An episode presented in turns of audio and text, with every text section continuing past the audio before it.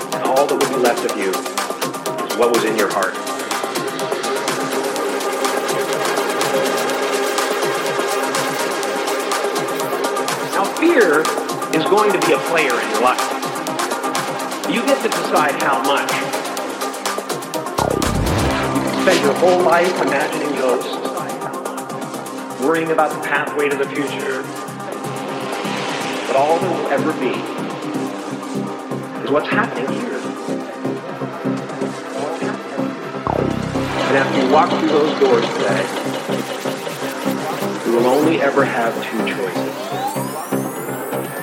Love or fear.